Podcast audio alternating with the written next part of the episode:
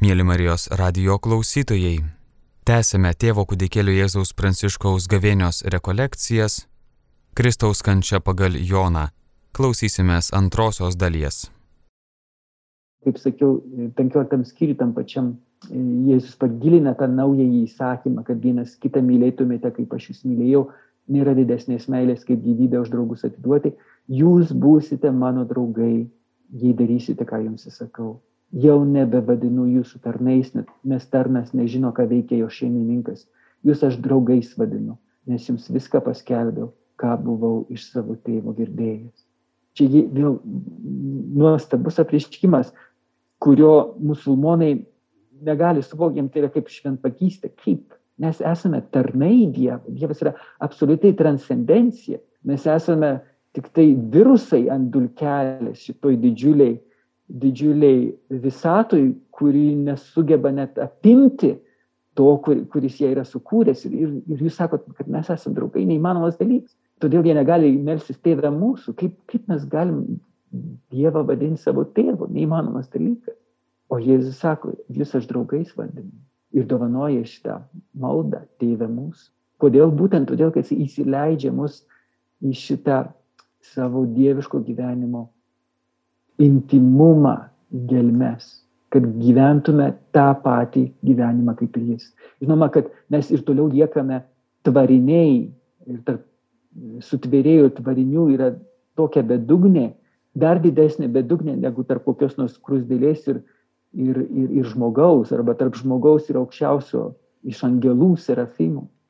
Yra dar didesnė bedugnė, žiūrint iš, iš, iš būties perspektyvos, bet iš gyvenimo perspektyvos mes gyvename tą patį gyvenimą, kokį gyvena Dievas. Jeigu taip galima būtų palyginti, Dievas būtų kaip vandenynas, o aš būčiau tik tai stiklinė puodelis, nu gal kibiras, arba tik antpirštis, jeigu imsime vėl Teresėlės papasakotą istoriją. Bet jis yra panardintas į tą į tą vandenyną. Ir tas pats vanduo, kuris yra vandenyne, jis, jis tas pats yra ir, ir tam antpirštyje ar, ar puodelėje ar kibirė. Tai yra tas pats vanduo, tas pats gyvenimas. Bet žinoma, kad antpirštis, puodelis ar kibiras palyginus su vandenynu, tai yra juokinga, juokingai mažas. Taigi mes tebeliekam antpirštis, puodelis ar, ar kibiras, bet jame yra vandenynų vanduo. Tas pats dieviškasis gyvenimas, jo, jo meilė mumise. 17 e, skyriui mes matom, kaip Jėzus meldžiasi, sakyčiau, šventimų malda. Tai, ką sinoptikai, evangelistai nusako e, vienu sakiniu, tai darykite mano atminimui, tokiu būdu jūs tampate mano kunigai, manyje vienintelėme tikrajame kunigė, kuriame išsipildo Senojo testamento, Senosios sandoros kunigystė ir jumyse yra pratesiama e, iki pat laikų pabaigos mano vienintelė kunigystė.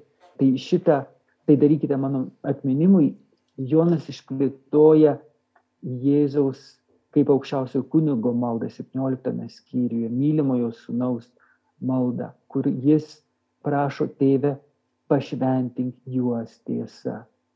Kas yra tiesa? Tavo žodis yra tiesa. Kas yra žodis? Žodis kuris buvo pas Dievą ir kuris buvo Dievas ir per kurį visą atsiradė pats Jėzus. Vadinasi, mokiniai tampa kunigais, vienintelė kunigė, būdami pašventinti tiesa, būdami pašventinti pačiu Jėzumi, jo, jo dieviškuoju asmeniu. Ir kaip minėjau, 21 eilutė, kuri atveria vėlgi kaip su, su konsekracijos žodžiais, kurie parodo visą turinį ir esmę per kojų nuplovimo, prasme. Taip, tas išventinimas apašlų į kunigus, kaip Jėzaus vienintelis kunigystės dalyvius, jos esmė yra ne tiek tai darykite mano atminimui, kiek gyventi viduje tuo, ką Euharistija uh, mums suteikia Dievo gyvenimą. Tai yra tas 21 eilutė 17 skyriaus tegu visi bus viena, kaip tu tėve manyje ir aš tavyje, tegu ir jie bus viena mumise, kad pasaulis įtikėtų, jog tu esi mane siuntas. O čia yra svarbiausia, vėl žiūrint iš, iš tikslo perspektyvos, esmė, tai dėl ko Euharistija mums yra dovanojama, kad mes turėtume tokią pačią vienybę su Dievu, kokią pačiame Dieve turi trys dieviškiai asmenys. Tėvas su sunumi ir sunus su tėvu, šventosios dvasios gale, ta pačia šventosios dvasios gale, kurią mums suteikia Jėzaus mirtis ant kryžiaus, didžiausia įmanoma meilės išraiška. Nėra didesnės meilės, kaip gyvybę už draugus atiduoti. Mes matom, kad ta pati šventoji dvasia įvykdo tą pačią vienybę tarp mūsų ir Dievo, kokia yra paties Dievo trejybės slėpinė. Ir ne tik tarp manęs ir Dievo, bet tarp manęs ir mano brolių ir sesers. Tegul ir jie bus viena mumyse. Jie kartu bus viena mumyse. Ir iš tikrųjų, jeigu mes gyventume šitą, šitą Jėzaus maldą tėvui, nebūtų jokių susiskaldimų. Tiek tarp krikščioniškų bažnyčių bendruomenių, tiek gal, galų galiai ir pačioj mūsų bažnyčioj.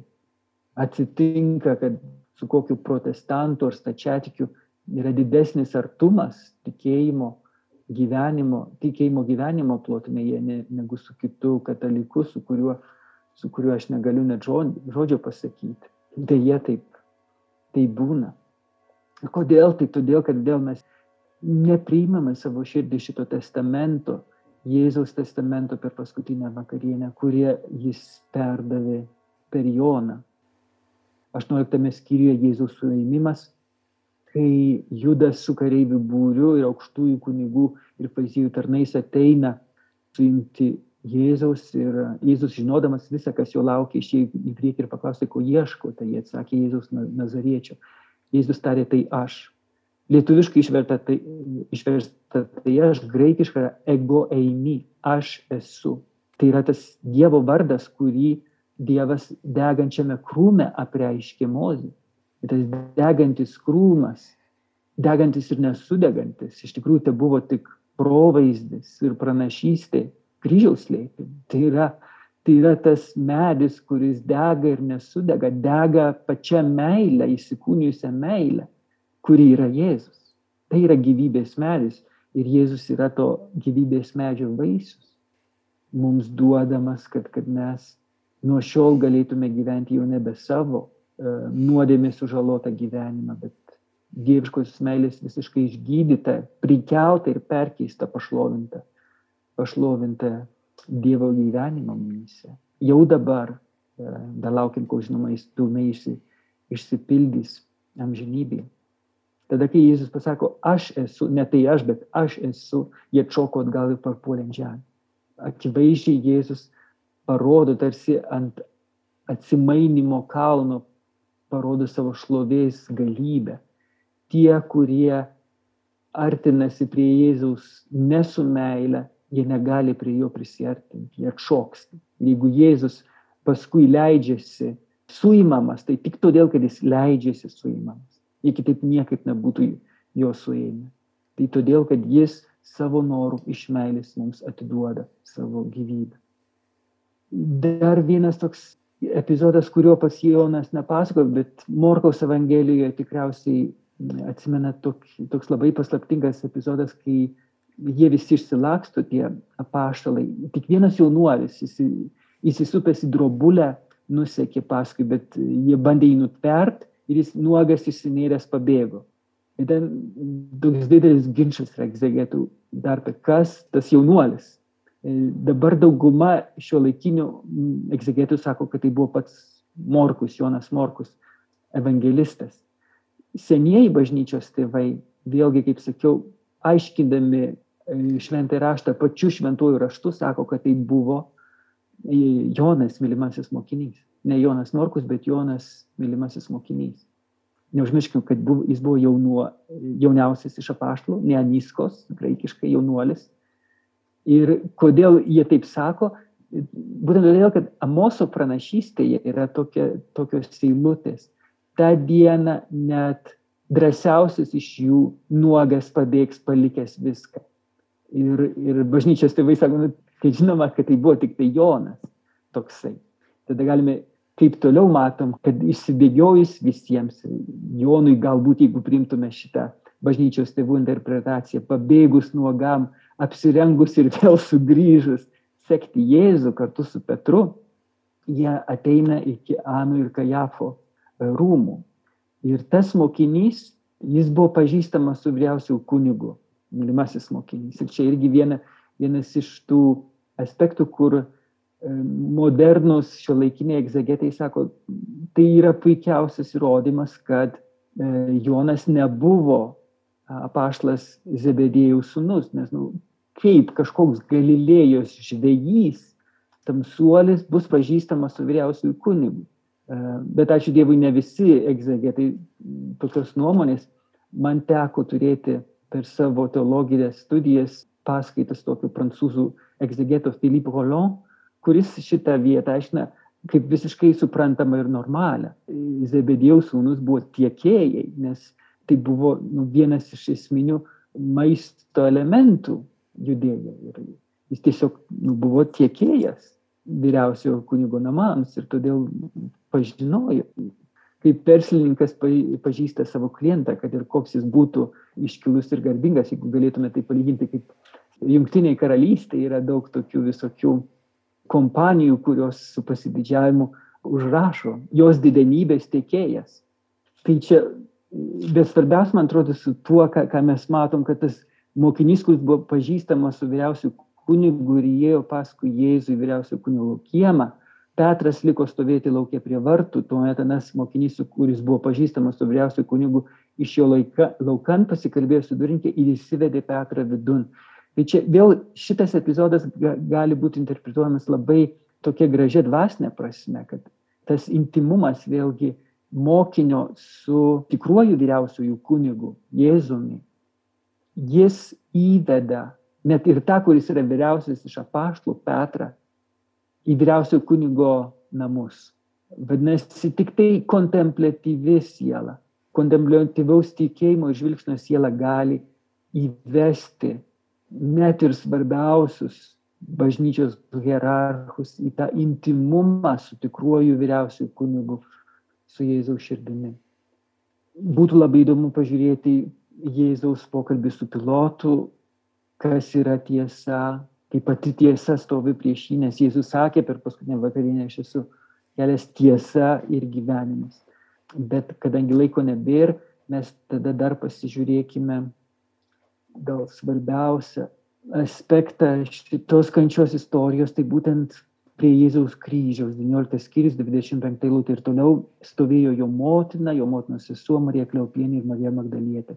Pamatė stovinčius motiną ir mylimą į mokinį, Jėzus tarė motinai, moterį, štai tavo sunus.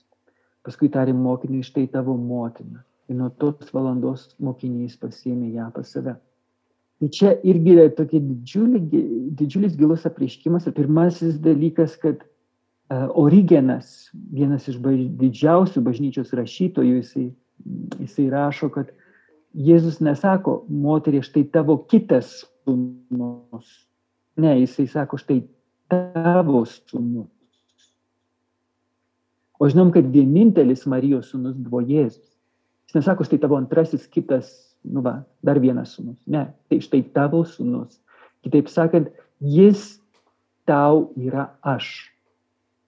Šitas kunigas, mylimasis mokinys, kuris per paskutinę vakarienę tapo kunigu, tapo Jėzus vienintelis kunigystės dalyvių, nuo šiol tau švenčiausiai visos bažnyčios nariai yra mano artumas.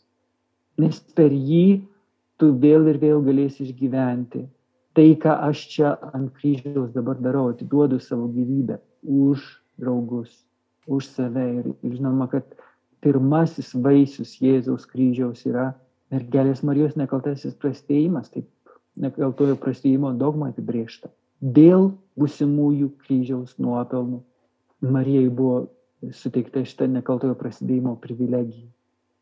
Jėzaus kryžiaus meilės kančios pirmonės yra Marijos nekaltasis prasidėjimas, jos nepaprastas šventumas. Ir Jėzus palieka Joną Marijai kaip save patį, kad per jį galėtų jai apreikšti savo valią, jai teikti savo meilės malonę per Joną aukojamą Eucharistiją Marijai. Žinoma, kad Marija, ko gero, daugiau mokė Joną negu Jonas Marija, bet, bet čia vėl yra tas labai paradoksalus ir įdomus slėpinys, kuris nuolat veikia bažnyčiai, kad mažiau šventi bažnyčios nariai, kaip dvasios tėvai ar dvasios motinos, vadovauja dažniau, dažnai daug, daug už juos šventesnėms sieloms. Šventosios Faustinos, pavyzdžiui, pavyzdys, arba pačios vėl tos mano brangios kūdikėlio Jėzaus teresėlės ir, ir daugybė kitų. Mano paties patirtyje aš esu na, patyręs dvasiniam vadovavime, kaip yra nepaprastai už mane švent, šventesnių sielų, kurios per mane neverta nusidėlį gauna Dievo šviesos, kad galėtų eiti Dievo keliu. Ir būtent šitą, šitą slėpinį mes, mes matom čia prie kryžiaus. Nuo tos valandos mokinys pasiėmė ją pas save. Ir čia vėl būtų labai gražu, įdomu pasigilinti, kaip Jonas buvo vienintelis kunigas iš tų dvylikos išventintų apaštalų kunigų, kuris savo akimis regėjo, ką reiškia Euharistija. Jie kiti nematė, kiti buvo išsibėgioję. Jie tik žinojo, nu va, maždaug intelektualiai, emociškai, kad tai yra kryžiaus sudabartinimas. Tik Jonas iš tikrųjų matė, kas tai yra. Ir Marija ten stovėjo po kryžiumi ir, ir matė, kas tai yra. Tada kiekvieną kartą, kai Jonas aukodavo mišes Euharistiją Marijai, jie, jie būdų išgyvendavo vėl iš naujo tą kryžiaus akimirką, taip kaip jokia kita siela ir joks kitas kunigas niekada nebuvo ir po jų neišgyvens. Tai irgi tokie didžiuliai, didžiuliai mylimojo mokinio privilegija. Neužmirškim, kad tikrasis mylimasis Jėzus mokinys yra Marija, kurioje toje mokinystėje Jonas yra tik dalyvis, paveldėtojas. Ir paskutinis aspektas, kai po Jėzaus e, nukryžiavimo Jėzus tarė trokštų. Vėl kiti sinoptikai aprašo, kai jam e, padavė kareiviai perūgusio vyno. Bet ne vienas nepamini, kad Jėzus tarė trokštų.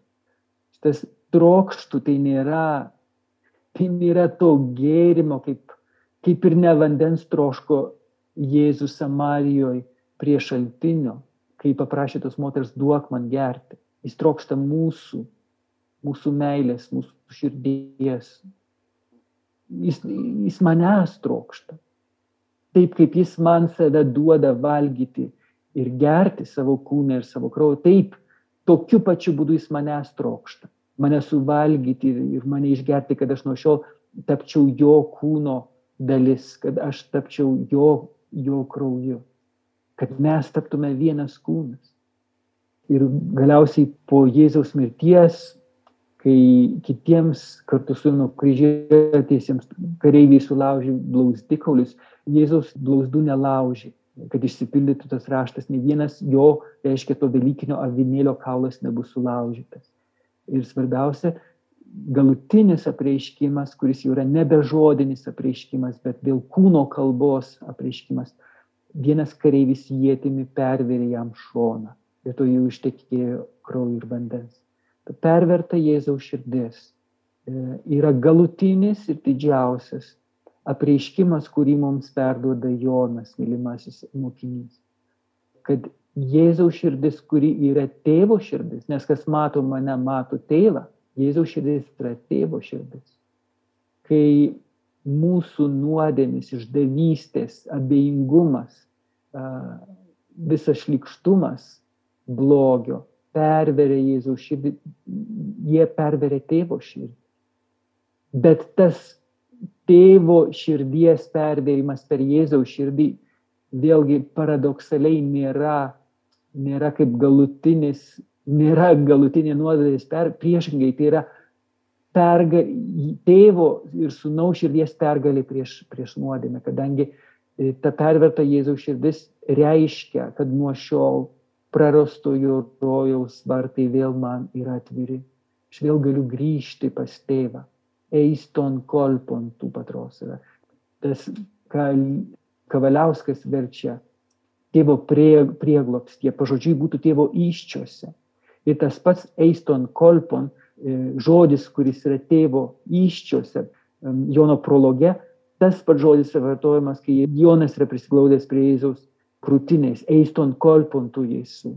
Taip, kad, taip kaip pats žodis yra eiston kolpontų patros tėvo artumoje, taip Jonas yra Jėzaus artumoje. Tarsi įkūnymas to 17 skyrius 21 eilutės, kaip aš tėvė ir tėvas mane, taip ir jūs esate viena man, mumise.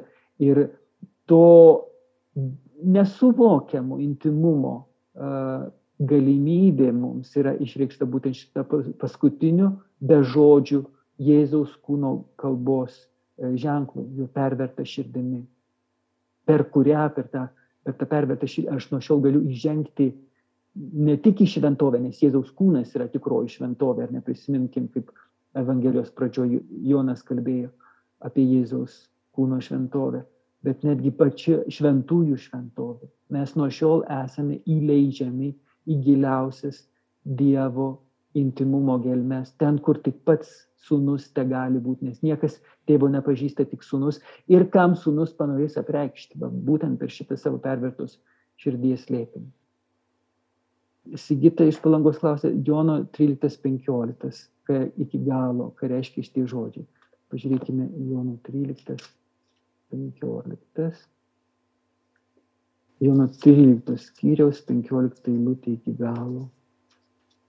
Aš jums daviau pavyzdį, kad ir jūs darytumėte, kaip aš jums dariau. Taip, taip būtent, kad mes irgi taip, kaip Jėzus mus priima į savo artumą, į savo dieviško gyvenimo gelmes, į savo širdį, kad ir mes taip pat vienas kitą priimtume. O čia yra iš tikrųjų didžiausia ir sunkiausia išgyventi krikščioniško gyvenimo paslaptis, slėpinys, kad mes esame pašaukti būti viena ne tik su Dievu, kaip tėvas ir, ir sunus yra viena šventojo dvasioje, bet kad mes esame pašaukti tą pačią, tokią pačią vienybę ir vieni su kitais. Danguje jau bus lengva ir paprasta tą vienybę išgyventi, tą intimumą ir artumą. Bet um, kol esame šiame pasaulyje, šiame gyvenime, tas yra labai, labai sunku. Ir tai yra, yra būtent čia yra, ko gero, tas įsakymas, didysis įsakymas, darykite, kaip aš jums padariau, kai Jėzus sako, kad jūs esate mano draugai, jeigu darote tai, ką jums įsakau. Tai būtent tas įsileidimas vienas kito į savo dvasinio gyvenimo gelmes.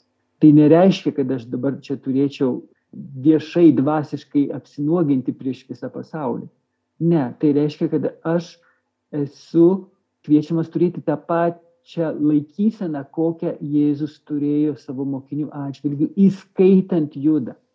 Nes ir judui buvo nuplautos tos kojos. Ir tas atvirumas gali iš tikrųjų kelti didžiulę kančią, tokią, kokią kėlė Jėzui. Aišku, nepalyginti mūsų kančios su, su tai, ką Jėzus kentėjo e, dėl išdaviko. Bet ta pati laikysena ta pati laikysena aukoti savo kančią už tai, kurie mus kan, e, skaudina. Ir tada mūsų žaizdos tampa e, nebe mūsų žaizdomis, nes mūsų žaizdos neša mirtį, jos tampa paties Jėzaus žaizdomis, kurios neša gyvybę. Tam, kuris mus žaidžia. Čia yra būtent e, iš Petro laiško, gal atsimena šitą, kai Petras moko, jo žaizdomis mes esame pagydyti Jis paliko mums pavyzdį, kad eitume jo pėdomis, kad darytume taip, kaip jis. Tai būtent šitas, e, šitas 13 skyriaus 15 eilutė, taip kaip jis. Leistis žaidžiamiems ir aukoti žaizdas už tuos, kurie mus žaidžia. Ir tada mūsų žaizdos tampa gyvybės šaltiniu, nemirties. Toliau Sigita rašo, bet Dievas sako, kad rojus bus žemėje, tik į dangų bus čia tikriausiai 140 tūkstančių, Jono 14 skyrius. Žinot, reikia labai atsargiai, ypač su apokalipse, ypač su apokalipse, e, su interpretacija tiesiogiai interpretuoti, nes tai yra, nu, yra didelė, didelis pavojus fundamentalizmo. Ir fundamentalizmas yra didžiulė klaida. Mes negalime visų e, šventų rašto žodžių imti pažodžiui. Ir netgi tuos, kuriuos imame pažodžiui, jų dvasinė prasme yra daug gilesnė negu pažodinė prasme. kaip sakykime, va, šį vakarą iš ištisai galima pamatyti tuos pavyzdžius, sakykime, tos pačios Jėzaus širdies pervėrimas. Tai yra tiesioginė prasme, bet dvasinė prasme yra daug gilesnė. Jėzaus žodžiai Marijai tai yra tavo sunus, yra tiesioginė prasme, yra dvasinė, yra daug gilesnė. Taip ir su, su rojus žemėje, neužmirškim, kad žemė bus perkeista. Pirmasis dangus ir pirmoji žemė išnyko. Pirmasis dangus ir pirmoji žemė išnyko. Ir jūros taip pat nebeliko. Bus naujas dangus ir nauja žemė.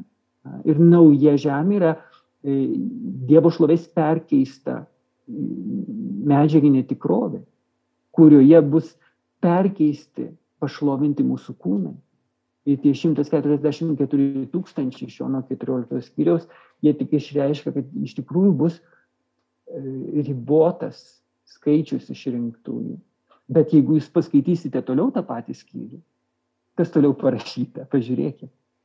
Ir buvo minė, kurios niekas suskaičiuoti negalėjo. Tai yra tie patys 144 tūkstančiai, bet jie yra nesuskaičiuoti. Dievo mintyje jie yra ribotas skaičius. Bet žvelgiant iš mūsų perspektyvos, tai yra beribė minė, kurios niekas negalėjo suskaičiuoti. Taip, kad ir čia yra sekant eilutė. Taip, kad matot, šitie paradoksalūs pasakymai, jie, jie, jų tikrai negalime interpretuoti pažodžiui, nes tada, nu, kaip jisai pats, pats savo prieštarauja, ar ne? Tai sakau, čia reikėtų labai labai atsargiai ir, ir žvelgti į tuos dalykus, kur pažodinė prasme negalime paaiškinti, tada vienintelis būdas yra tik tai dvasinę prasme žvelgti ir, ir, ir jos ieškoti. Mėly Marijos radio klausytojai, klausėmės tėvo kudikėlių Jėzaus Pranciškaus gavėnios rekolekcijų Kristaus kančia pagal Joną. Klausėmės antrosios dalies. Likite su Marijos radiju, būkime kartu.